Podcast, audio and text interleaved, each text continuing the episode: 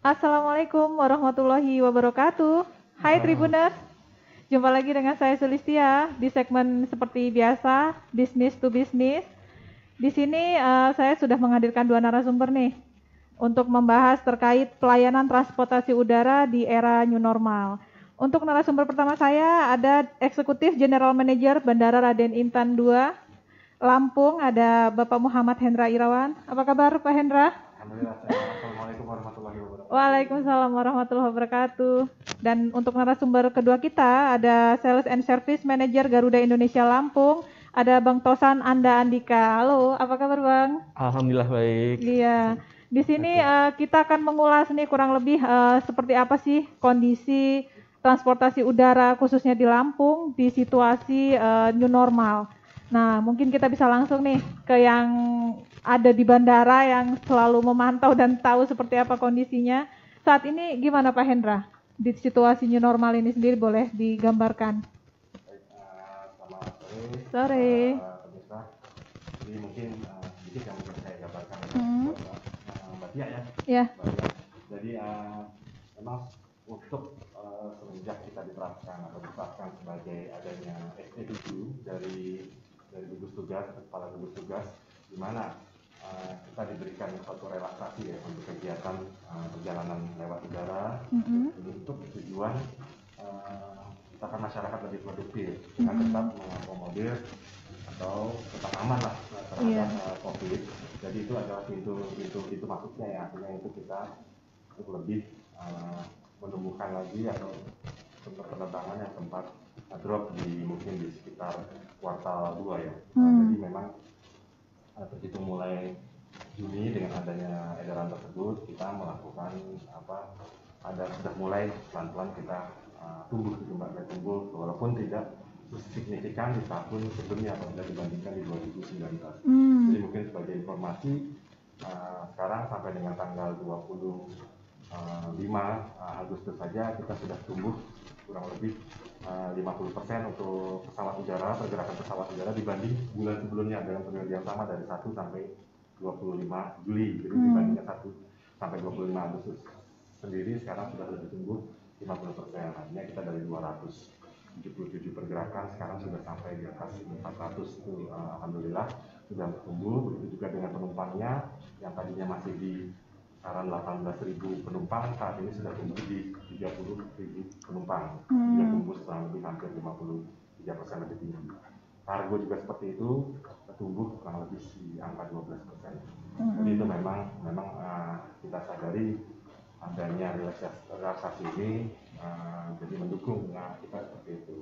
Jadi memang uh, relaksasi ini tentunya tidak tidak hanya sebatas relaksasi, artinya dari persyaratannya pun uh, mungkin dari gugus tugas juga memberikan di, dirubah lagi SE 7 itu di, menjadi SE 9 uh, tahun 2020 di Hmm. akhir bulan 2000 Juni dan itu uh, syaratnya yang tadinya rapid ya, yang mungkin itu yang selalu dikeluhkan masyarakat rapid test Iya. dan PCR yang yang Biayanya hanya, hanya lumayan. tiga, ya, hanya tiga tiga hari berlaku Hmm, tiga hari benar. dan PCR yang bisa tiga hari bisa- sekarang bisa menjadi 14 hari baik kedua-duanya dan itu yang mungkin kami rasakan menjadi uh, salah satu faktor uh, penerbangan tumbuh gitu. Oke. Jadi seperti mungkin uh, sementara itu Hmm. tapi memang uh, hal tersebut pun uh, akhirnya tidak tidak membuat kita uh, bebas itu artinya bandara pun begitu juga dengan airlines dan mungkin dalam hal ini salah satu stakeholder yang kami lain itu navigasi penerbangan dalam hal ini airnav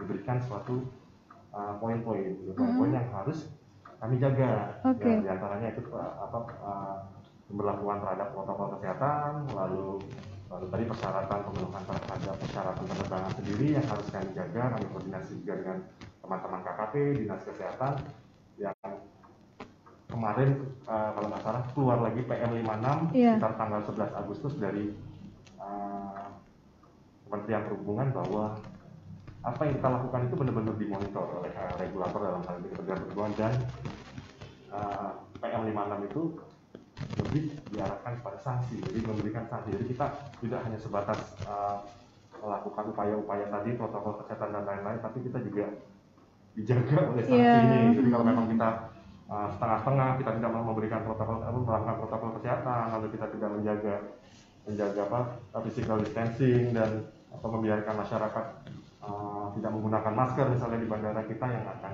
uh, ditegur atau okay. kita akan kena sanksi dari secara administratif jadi artinya memang proses itu uh, begitu begitu benar-benar dijaga lah ya kita jaga hmm. jadi, karena ada yang mengevaluasi ah ada yang mengevaluasi juga jadi bukan okay. kita saja gitu hmm. nah, itu mungkin okay. Uh, uh, boleh ke Bang Tosan nih bisa uh, dijelaskan kan terkait protokol kesehatan nggak cuma dari pihak uh, bandara tentunya. Betul. Dari maskapai Garuda sendiri, bagaimana kita membantu? Kas kan biasanya penumpang juga bingung nih, rapid test segala macam. Adakah kita uh, pelayanan untuk setidaknya tambahan ya bisa dibilang pelayanan plus gitu di luar uh, penumpang itu membeli tiket. Oke. Okay. Edukasinya seperti apa? Oke, okay, jadi dari pertama kali masa pandemi, mm -hmm. Garuda ini langsung adaptasi dengan kebijakan yang ada. Hmm. Bahkan kita langsung keluarin campaign because you matter. Itu artinya supaya penumpang yang terbang dengan Garuda itu merasa aman dan nyaman gitu ya. Tetap comply dengan peraturan yang ada tadi dari Kemen 7 dari nomor 7, 9 kita berubah, kita menyesuaikan. Belum lagi tiap daerah saat itu punya kebijakan yang berbeda. Yeah. Jadi aturannya itu sangat customize buat penumpang. Saya mau ke Balikpapan, saya mau ke Denpasar, saya mau ke Jogja. Itu punya peraturan yang berbeda karena peraturannya begitu customize, akhirnya Garuda membuat satu kebijakan source-nya sama, penumpang bisa akses di website Garuda. Hmm. Jadi begitu nanti penumpang Garuda akses, itu pertama ada notifikasi bahwa kebijakan penerbangan kita saat ini seperti apa. Hmm. Uh, boleh klik lebih lanjut atau klik OK untuk proses booking. Atau di kantor kita sendiri, biasanya karena kita memang punya kantor cabang penjualan, itu di situ kita jelasin ke penumpang sesuai dengan peraturan yang ada saat ini. Misalnya kalau sekarang cukup cukup rapid uh, abis itu nanti uh, sampai airport kita juga udah ngasih clue lagi ke penumpang nanti ibu siapkan atau download aplikasi EHAC hmm. supaya lebih praktis, lebih mudah dan lebih nyaman juga begitu mendarat di tempat tujuan. Atau nanti kalau naik Garuda bisa di atas dikasih kartu kuning. Hmm. Jadi Garuda sebenarnya dari awal sudah memkampanyekan dulu nih ke penumpang apa aja sih yang diperlukan untuk terbang, persiapan apa yang harus dilakukan dan penyesuaian apa aja? Karena ada beberapa penyesuaian. Misalnya dulu ke airport mungkin aman dua jam ya before flight. Hmm. tapi kemarin masa-masa pandemi memang validasi di depan itu lebih lama. Jadi memang kami namanya melakukan pre-flight check. Hmm. jadi uh, tim reservasi kami menelpon penumpang Bapak Ibu besok tiga jam sebelum keberangkatan sudah di airport untuk kenyamanan Bapak Ibu. Okay. yang perlu dipersiapkan dokumennya ini ini ini. Kalau Ibu misalnya ke Balikpapan harus ada PCR atau misalnya ke Denpasar saat itu masih ada PCR kita harus jelaskan ke penumpang jadi penumpang merasa oke okay, saya harus membawa ini ke airport dan harus datang lebih cepat supaya lebih nyaman karena memang ada beberapa validasi dokumen seperti itu sih mbak. Hmm, hmm, hmm. Nah ini kalau di Garuda sendiri kemerosotan kalau bisa dibilang ya atau dampak yang cukup dirasakan di masa kemarin saat pandemi seperti apa? Waduh, ini ini masih pandemi tapi udah new normal gitu iya, kan. Iya. Nah, pas awal kemarin turbulence hebat ya di kami turbulence hebat bayangin Mbak dari kita Lampung aja ya, kita ngomongin Lampung uh -huh. dari kapasitas kita 5 flight kita cuma terbang mungkin 10% hmm. seminggu tiga kali awal-awal ya. Sekarang kita udah beranjak naik dari seminggu satu kali setiap hari sekarang udah double daily. Jadi sehari ada dua kali penerbangan hmm. Lampung Jakarta PP. Hmm. Gitu. Jadi sekarang udah di angka dua kali per hari. Target kita sih tiap bulan maunya naik gitu. Okay, Kalau bisa, bisa udah tiga kali, gitu ya? betul ya? bisa connect ke mana-mana juga flightnya, trafficnya banyak gitu. Cuman ya lagi-lagi menyesuaikan kondisi keadaan dan market sih kalau di Garuda hmm. gitu. Marketnya sendiri gimana gambarannya saat ini? Market uh, sekarang udah beranjak naik nih. Hmm. Kondisinya kita uh, kalau melihat di Garuda sendiri uh, udah 20 40 persen dari kapasitas normal. Hmm. Uh, tapi kondisi kita juga masih terbatas dengan physical distancing on board. Jadi hmm. kapasitas pesawat Garuda itu sekali take off hanya bisa 70% dari hmm. kapasitas yang ada gitu. Jadi kalau sebenarnya hitung-hitungan bisnis memang kita tidak bisa full nih. Hmm. Otomatis nggak bisa bawa lebih banyak orang gitu. Tapi kalau dari angka sekarang terus beranjak naik sih. Okay. Apalagi sekarang kan uh, memang kita juga bekerja sama Kemenparkraf. Uh-huh. Kemarin uh, Pak Menteri Wisutama kan udah ketemu di Garuda. Oke, mulai dong didukung beberapa spot pariwisata, misalnya kembali ke Bali gitu kan. Hmm. Jadi kita udah mulai nih buka harga-harga yang kadang harganya udah kita promokan biar nggak beda jauh dengan yang lain supaya bisa narik traffic lebih banyak khususnya ke daerah-daerah wisata yang bergantung dengan pariwisata. Karena kasihan Mbak kayak ke Bali itu kemarin memang masih sepi sih kasihan banget kan sementara mereka bergantung dari pariwisata jadi kita coba support ke arah sana sih oke okay. hmm. terkait promo ini sendiri hmm. di kondisi yang saat ini apa cukup membantu untuk peningkatan market sendiri sangat membantu sih. Saya lihat isian saya itu bisa meningkat 20% dengan promonya dibuka. Hmm. Dari harga sebenarnya harga normal, kita buka promo tuh uh, load factor saya bisa naik sekitar 20%. Otomatis hmm. revenue juga naik sih. Oke. Okay. Gitu. Nah, ini boleh disambung Pak Hendra terkait promo. Ini sebenarnya kebijakan promo-promo dari pihak maskapai apakah sesuai atau setidaknya memang cukup baik di situasi yang mulai new normal ini gitu? Ya. Baik, uh, tentunya ini kan menjadi apa kewenangan di teman airlines ya, jadi kalau mm -hmm. ingin memberikan promo kepada mm -hmm. uh, customernya. Jadi memang yang pasti dari kami juga kerjasama, kami menggandeng ya seluruh mm -hmm. pihak baik baik stakeholder yang ada di bandara dalam hal ini airlines, lalu lalu apa namanya tadi yang disampaikan mungkin dinas pariwisata yeah. lokal dan jadi memang ini tidak uh, untuk meningkatkan itu bukan bukan tidak bisa di semata-mata menjadi tanggung jawab uh, bandara ataupun airline itu mm -hmm. adalah kerja bersama artinya ini yang kami belakangan mungkin di satu bulan terakhir ini kami dorong dalam dalam sesuai dengan program kami yaitu safe travel campaign artinya maskapai pun melakukan itu safe travel campaign regulator pun melakukan itu safe travel campaign artinya apa kita ini konsep konsep apa konsep sederhananya ini kan adalah kita ingin mendemokan memberikan memberikan atau suatu gambaran ke iya. masyarakat yeah. bahwa sekarang bepergian melalui apa transportasi udara itu adalah sesuatu yang aman loh itu sesuatu yang sehat dan sesuatu sesuatu yang uh, sifatnya apa namanya uh, higienis gitu hmm. artinya bandara kita selalu bersihkan maskapai juga mungkin selalu, uh, selalu selalu membersihkan lalu membersihkan. Lalu physical distancing kita jaga. Bagi yang tidak menggunakan masker kita berikan masker. Artinya uh, untuk memberikan atau membangun lagi kepercayaan masyarakat hmm. bahwa ada kekhawatiran. Wah nanti saya tertular. Nanti kok ribet lama. Yeah, ya, harus cek ini cek ini cek ini. Hmm. ternyata sekarang uh, tidak tidak seperti yang dibayangkan. Kami uh, tentunya juga didukung oleh regulasi regulasi regulasi yang telah diberikan oleh kementerian uh, pemerintah pusat dalam hal ini kementerian kesehatan kementerian perhubungan bahwa ada ada ada hal-hal yang tadinya mengkat lah dari mengkat proses-proses yang tadinya lama menjadi menjadi lebih mudah tentunya kita rubah jadi konsepnya dengan tadi teknologi digitalisasi. Mungkin dari angkasa pula sendiri juga kita mendorong ada lima lima inisiatif ya mm -hmm. yang kita lakukan dalam dalam penanganan terhadap covid ini mm -hmm. jadi pertama ya pasti ini istilah new normal ini kalau kita berharap ya mungkin nggak akan ada lagi oh, normal gitu. Yeah. Tapi mungkin yang akan kita lihat nanti yeah. next normalnya seperti yeah, apa. Mungkin saat ini new normal, oke kita new normal hmm. kita lakukan kita lakukan physical distancing, health screening, health screening juga sesuatu yang menurut saya mau sampai kapan pun ini dengan kondisi seperti ini sudah tidak lagi menjadi daya tawar. Artinya semua harus memastikan kondisinya sehat dulu baru bisa terbang.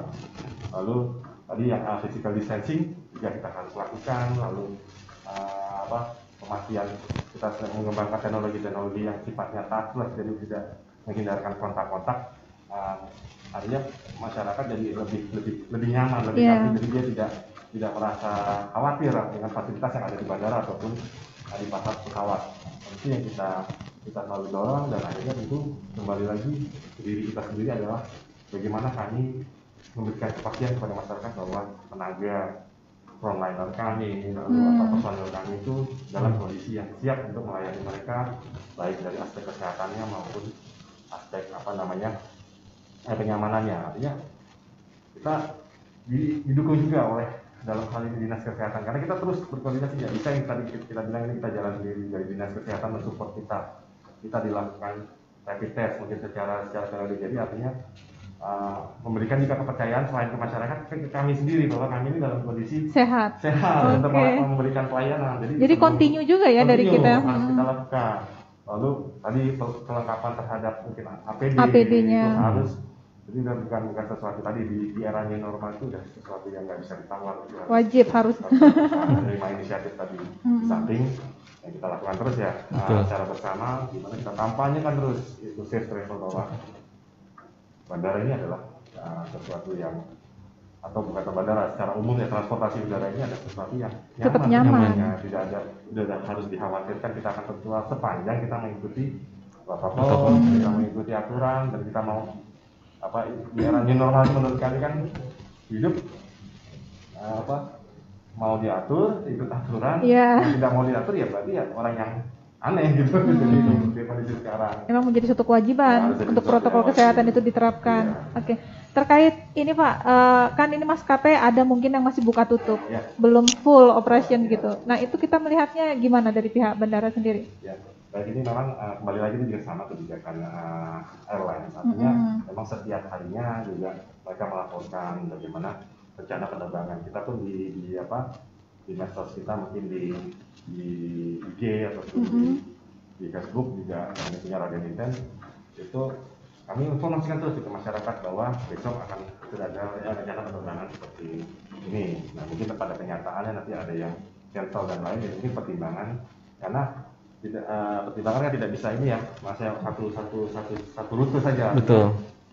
Eh, mungkin eh, Tanjung Karang ke Jakarta atau Tanjung Karang ke Jogja itu Mm-mm. bagus, tapi sebaliknya ya, Balik ke Betul. sininya. Harus dua kaki. Kita kalau lihat dua kaki ya. Dua kaki. Betul. Jadi harus melihatnya itu. Jadi mereka Nggak bisa pincang gitu ya. Nggak bisa bincang, Mbak. Sebenarnya uh, itu tapi memang kalau tadi sekitar berapa mas 40 persen 40% sekarang Garuda di sini. kurang lebih sama di- dengan karena kami punya data juga kira-kira ya sekitar 40 sampai 50 untuk secara overall Mm-mm. uh, di bandara karena airline dibatasi tadi kembali lagi secara physical distancingnya ada ketentuan ada 70 persen kami pun di di terminal di bandara itu bahkan lebih kecil lagi 50 persen itu yang kita akhirnya lakukan penyesuaian penyesuaian operasional karena kita bandaranya sama tapi kapasitasnya kita juga Iya. harus dikurangi untuk menjaga physical distancing Mm-mm. Begitu. Kalau ini gambaran secara umum konsep bandara saat ini seperti apa sih? Hmm. Mungkin termasuk sekarang kan bandara internasional dengan Ya. mungkin penambahan-penambahan Ya, apa ya, gitu. ya, Seperti ya. apa boleh dijelaskan? Baik.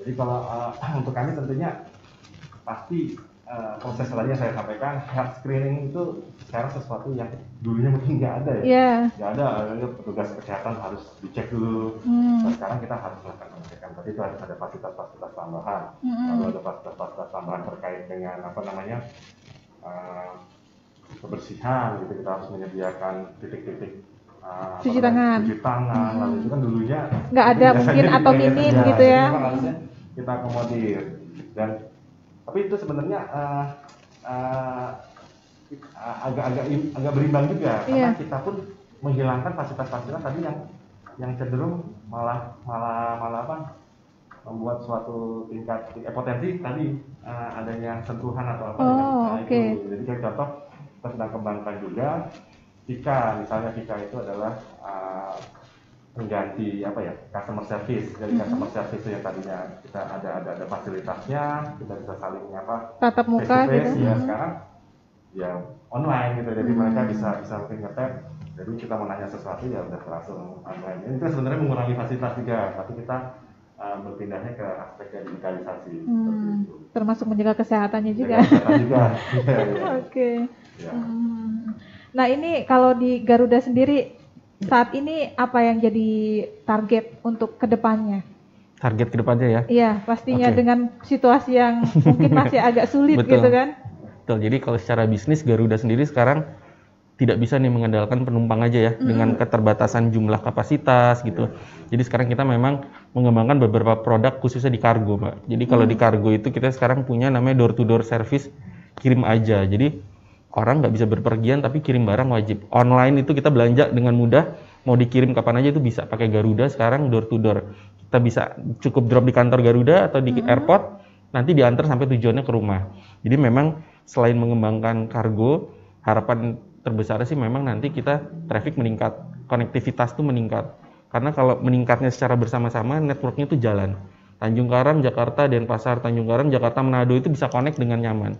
Mungkin kalau sekarang schedule-nya terbatas, akan ada beberapa yang mesti stop over di Jakarta. Ya Tanjung Karang, Jakarta, oh ke Manado-nya besok pagi. Itu kan penumpang jadi tidak nyaman ya, mesti bermalam dulu. Tapi nanti Iya. harapannya kalau semua rute udah menambah frekuensinya, konektivitas jalan, otomatis secara sendirinya penumpang akan naik, isian akan naik. Nah kami harapannya itu. Terus ke depan sih memang harapannya dari sektor eh, korporasi sudah bisa eh, melakukan perjalanan karena jujur pesawat saya sebagian besar isinya adalah korporasi gitu ya. Oke. Cuman kalau kondisi seperti ini kami sangat paham sih kondisinya memang eh, semua dibuat menjadi jarak jauh dulu online daring seperti itu. Namun harapan kami jujur ke depannya kalau korporasi sudah jalan uh, itu akan membantu kami sendiri sih, terutama hmm. untuk peningkatan network kami tadi itu sebenarnya.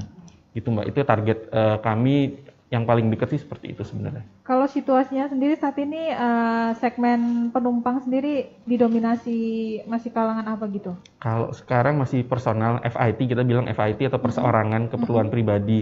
Ada juga beberapa dinas. Jujur kalau di Garuda masih didominasi orang dinas. -hmm. Walaupun mereka dinas kadang keperluan pribadi atau dewan segala macam, tapi masih uh, itu masih uh, segmen market Garuda. Walaupun di abis -hmm. itu ada perseorangan uh, mengunjungi kerabat seperti itu. Tapi nomor satu masih dinas. Hmm. Hmm, jadi kalau misalnya saya terbang pagi nih Jakarta Tanjung Karang 90% dinas, udah pakai batik, udah rapi semua tinggal kerja. Rata-rata bujang lokal di sini pulang dulu Senin mau balik lagi kerja. Itu pasti rata-rata isinya masih orang dinas sih. Okay. Walaupun perjalanan pribadi, hmm. bukan dinas kantor.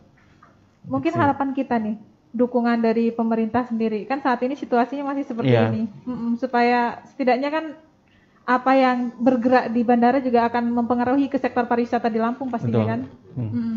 Jadi harapannya sih memang nanti ke depannya pertama masyarakat harus aware dulu nih seperti yang disampaikan Pak, Pak Hendra. Hendra tadi. Hmm. Sebenarnya untuk mau terbang itu harus ada screening. Hmm. Mungkin orang mikir, aduh males terbang karena screening. Screening itu justru membuat kita lebih aman. Hmm. Menurut saya dan penumpang harus mengetahui bahwa kalau itu nggak di screening, mungkin itu lebih tidak aman gitu. Jadi sebenarnya screening ini malah ada satu poin pengamanan buat diri kita. Jadi eh, penumpang jangan memikir oh nanti ribet kalau di bandara kita harus dites dulu ini mesti uh, melampirkan dokumentasi itu jangan pertama masyarakat harus tahu bahwa protokoler ini dibuat untuk kenyamanan sebenarnya hmm. kenyamanan dan keamanan buat penumpang hmm. baru sehabis itu memang uh, nanti uh, ada beberapa aspek lain misalnya tadi uh, mulai diizinkannya untuk melakukan perjalanan dinas karena dengan diizinkan perjalanan dinas itu tadi membantu untuk kami membuka network-network kami terbuka lebar otomatis pariwisata jalan.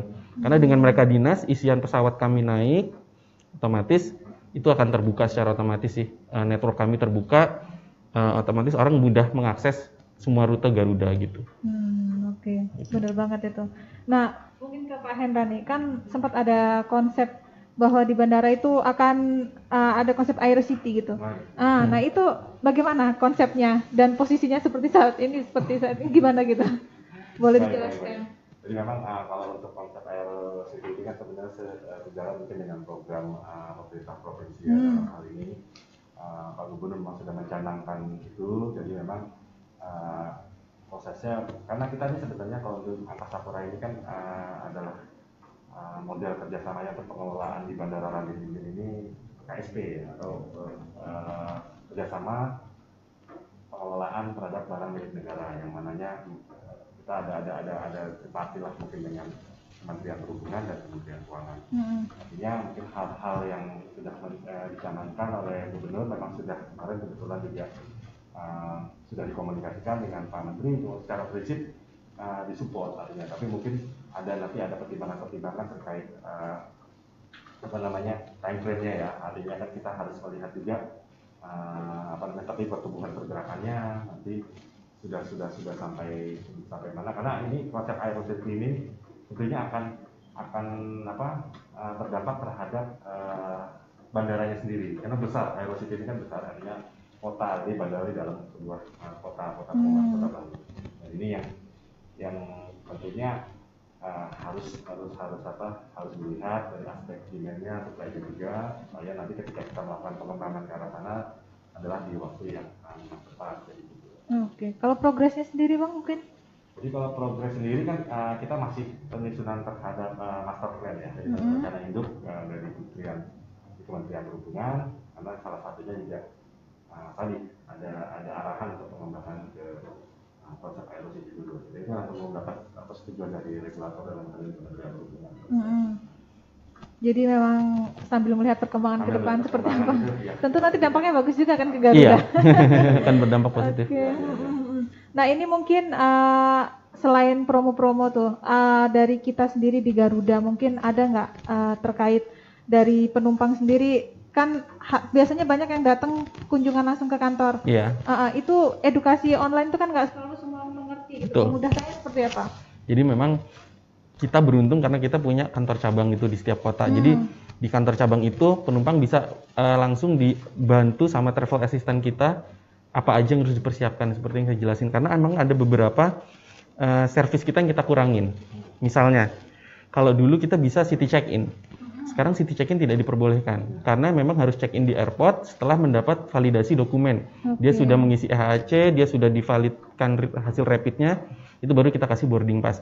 Jadi hal-hal seperti itu kadang penumpang Garuda datang kan, Mbak saya mau city check in dong, mau duduk di jendela di seat nomor sekian. Oke, okay. okay, kita bantu blok dulu ya, tapi untuk pengeprintan uh, boarding passnya harus dilakukan di airport. Jadi ada beberapa uh, level yang service yang kita kurangin, ya. betul. Jadi kalau di Garuda tuh kita bagi tiga Mbak, pre-flight, in-flight, dan post-flight. Di hmm. pre-flight dan di in-flight banyak pengurangan service, tapi demi keamanan. Misalnya di pre-flight seperti tadi, uh, boarding boarding pass harus di print di airport, tidak bisa city check in. Begitu juga dengan in-flight di inflat itu paling paling terdampak. Begitu masuk lihat pramugari udah pakai masker. Terus di seatnya kita majalah tidak ada dulu untuk sementara.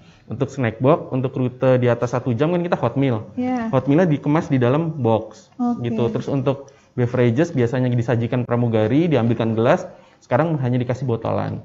Tapi sebenarnya semata-mata lebih untuk menjaga higienitas sih. Biar lebih hygiene, kita kasih botolan yang tertutup.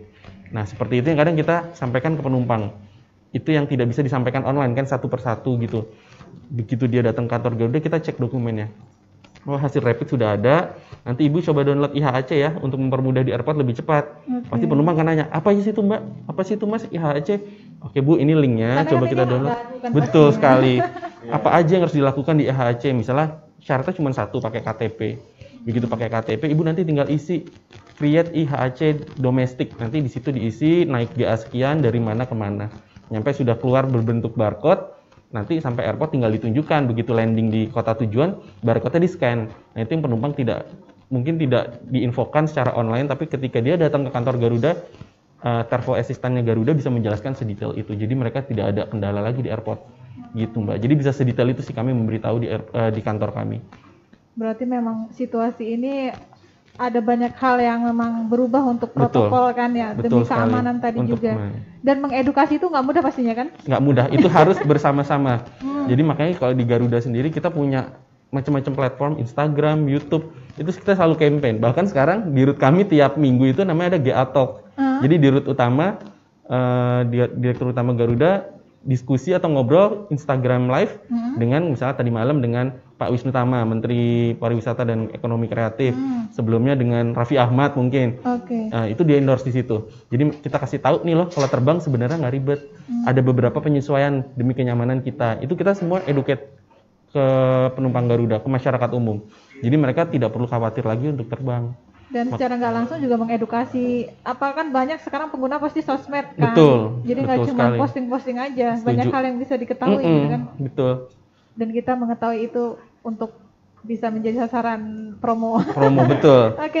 terkait uh, di Garuda sendiri untuk schedule-nya saat ini seperti apa dan mungkin ada promo-promo apa yang setidaknya bisa menarik untuk para customer sendiri. Oke. Okay uh, untuk schedule saat ini Agustus September kita masih dua kali per hari hmm. Lampung Jakarta. Uh, untuk saat ini promo ada di harga 346 itu sekali jalan di mana hmm. harga normal Garuda itu di 546 500 gitu. Jadi uh, promo ini dibuka untuk didapatnya sangat mudah. Cukup uh, booking mau di seluruh travel agent online maupun datang langsung ke kantor Garuda itu minimum H-2 hmm. untuk aman. Jadi kalau umumnya promo itu kita buka seminggu sebelum keberangkatan. Okay. Tapi kalau kita nyarinya last minute, kadang promonya sudah habis. Jadi hmm. memang promo itu ada batasnya sih sebenarnya. Misalnya kursi promonya itu kita kasih 30. Begitu 30 sudah diambil semua, terbeli, otomatis harganya langsung naik lagi ke harga normal. Hmm. Jadi memang promo sendiri uh, ada batasnya, jadi butuh cepet-cepetan nih mbak. Itu uh, kalau misalnya di luar Lampung Jakarta kita juga ada karena memang promonya itu hampir dibuka semua rute. Okay. Jadi nanti tinggal dikombain Lampung, Jakarta, dan Pasar gitu. Hmm. Nanti harganya mungkin sekarang kalau normal Lampung, Jakarta, dan Pasar bisa di angka 2 jutaan ya mungkin sekarang masih di satu koma kalau dapat tiket promonya ya. Hmm. Gitu. Untuk keterisian sendiri mungkin kalau keterisian in average ya rata-rata isiannya Garuda saat ini dari kapasitas 70% di angka 60 sampai 70% sih. Hmm, Oke. Okay. Hmm. Jadi sudah lebih meningkat ya, jauh. Ya sudah lebih meningkat jauh. Awal-awal dulu kapan sih kita mulai membuka kembali operasional? Uh, untuk sekedar informasi Garuda hmm. tuh nggak pernah nggak terbang, Mbak. Kita oh. selalu terbang. Jadi di saat yang lain nggak ya? terbang, kita selalu terbang. Walaupun mungkin seminggu empat kali, seminggu tiga kali, tapi Garuda pasti terbang kok. Gitu. Oke. Hmm, karena kan memang di saat pandemi seperti ini, siapa nih kalau dalam keadaan urgent yang harus terbang kan? Kalau misalnya bawa spesimen, contoh spesimen COVID, itu terbangnya bisa pakai pesawat kami. Kalau ada dokter mau terbang dari Jakarta ke Gorontalo, kalau pesawatnya nggak ada yang terbang semua kan kasihan, Mbak. Iya. Sementara itu dalam keadaan urgent, belum kalau ada eh, kedukaan. Iya, nah, di situ. Garuda harus tetap terbang. Sebagai plat merah kami harus tetap terbang. Dan itu Apa pun ini kondisinya, unconditional. oke. Jadi Garuda harus terbang. kembali ke pihak Angkasa Pura Iya. di sini dari pihak bandara sendiri terkait keamanan dan kenyamanan. Pastinya itu nomor satu dong untuk eh, penerbangan. Ke depan gimana kita dalam eh, lebih memperketat lagi untuk keamanan dan kenyamanan bagi konsumen sendiri? Ya, eh, tentunya memang eh, kita saat, saat ini kan terus terus melakukan karena ini kan eh, per 1 Juli ya, per 1 Juli ini kan secara resmi kita uh, operate by AP2 gitu ya, AP2 yang memang kita kita kita eh, saat ini sedang melakukan inventaris seluruh artinya dari seluruh lini ya dari aspek aspek eh, operationnya, servisnya, lalu aspek komersialnya juga memang kita eh, terus mungkin dengan dengan memang eh, timingnya memang sedang lagi covid ini jadi memang kita eh, memang harus apa ya kerja ekstra keras lah artinya di saat eh, layanan masyarakat tetap harus kita layani kita juga harus concern terhadap eh, aspek eh, operasional. Jadi ya tetap lah itu 3 S 1 C safety, security services dan eh, compliance tetap harus eh, ya, artinya harga mati lah kita tetap itu Oke. Ke Bang apa Bang Tosan, satu hal sebelum kita closing nih. Mungkin apa yang bisa kita tawarkan gitu ke calon konsumen di luar sana supaya lebih yakin lagi gitu Oke. untuk tetap bisa terbang secara aman gitu. Oke, jadi eh, jangan takut terbang dengan pesawat gitu ya, karena sebelum terbang di bandara juga sudah di screening dan sudah difasilitasi ya dengan nyaman, aman gitu untuk terbang dan di pesawat pun saya yakin hampir semua airlines juga melakukan protokol kesehatan yang cukup bagus gitu. Jadi dengan adanya screening ini justru membuat kita semua tuh sebenarnya aman untuk terbang gitu. Oke. Jadi nggak perlu worry, nggak perlu takut. Aduh nanti ribet terbang, nanti takut begini nggak usah karena dengan menerapkan protokol yang tertib sebenarnya itu membuat kita lebih aman untuk terbang. Dan menurut saya terbang dengan pesawat merupakan salah satu moda transportasi yang termasuk aman gitu menurut saya ya. Jadi masyarakat nggak perlu takut. Eh, sekarang ini harga-harga pesawat jujur kita hampir semua airlines jual harganya murah. Jadi ini sebenarnya kesempatan terbang. Kalau saya kasih tips juga kalau mau liburan kalau mau justru Oke. sekarang walaupun tetap harus jaga protokol kesehatan ya. Kita harus notice bahwa ini lagi- sedang masa pandemi. Jadi harga sekarang lagi bagus, lagi banyak harga promo. Silahkan dicek di website kami juga. Situ harganya bagus. Wah, jadi pengen liburan. Nah, jadi kalau mau liburan eh, silahkan sekarang waktunya sebenarnya karena memang begitu kita sampai destinasi harga-harga yang lainnya pun juga lagi turun karena Hmm, termasuk teman-teman- misal di sana hotelnya. betul hotelnya sektor menuju pariwisata betul itu semua Oke. lagi harganya turun kayak kemarin kebetulan Denpasar harganya semua drop semua mau nyewa Hmm. mobil lebih murah nyewa motor lebih murah mau hotel yang biasanya berapa harganya sekarang semua drop Dan justru masih agak-agak sepi. Dan jadi masih kayak agak sepi betul ya. jadi kayak private banget jadi nggak Oke. nggak terlalu hectic nggak terlalu rame gitu Hmm. gitu jadi eh, silahkan terbang eh, dengan mematuhi protokol yang ada gitu Hmm. sebelum terbang carilah informasi nih di daerah tersebut membutuhkan apa gitu. Misalnya ada beberapa dokumen tambahan ke daerah tertentu itu yang harus kita cek. Penumpang harus Hmm. prepare. Jadi misalnya saya mau ke Bali selain selain isi selain tes rap- tes rapid apalagi nih yang harus diisi? Itu ada. Misalnya kita harus isi satu isi dokumen namanya eh, Pemprov Bali itu buat satu web kita harus isi itu kalau kita mau masuk Bali. Tapi itu sangat simpel kok. Nanti Garuda bisa bantu kalau mau isi itu. Jadi yang penting nggak usah takut siapkan protokol kesehatan dan cari tahu dokumen apa aja yang harus dibawa Insya Allah kalau itu udah lengkap terbangnya aman dan nyaman Dan pastinya cek promo-promo menarik. ya dan cek promo-promo menarik Oke, dari pihak Angkasa Pura mungkin terakhir eh, ini kita penguatan lah untuk airlines yang ada di tempat kita gitu agar tetap bisa mungkin survive di situasi new normal ini. ya.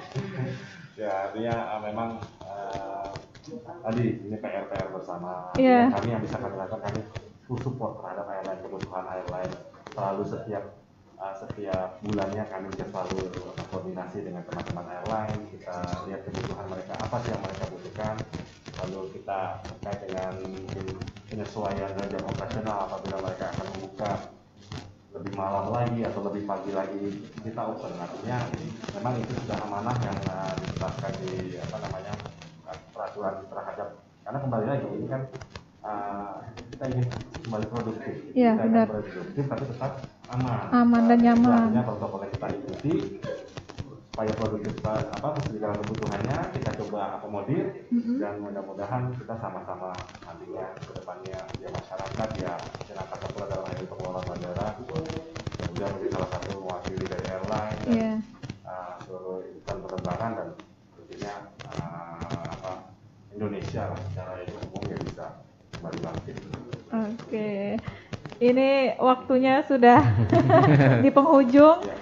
Yang jelas yang bisa kita ambil kesimpulan dari bincang-bincang kita di bisnis to bisnis kali ini bahwa saat ini lagi promo yang bagus nih kalau untuk yang mau libur-liburan bisa prepare, oke?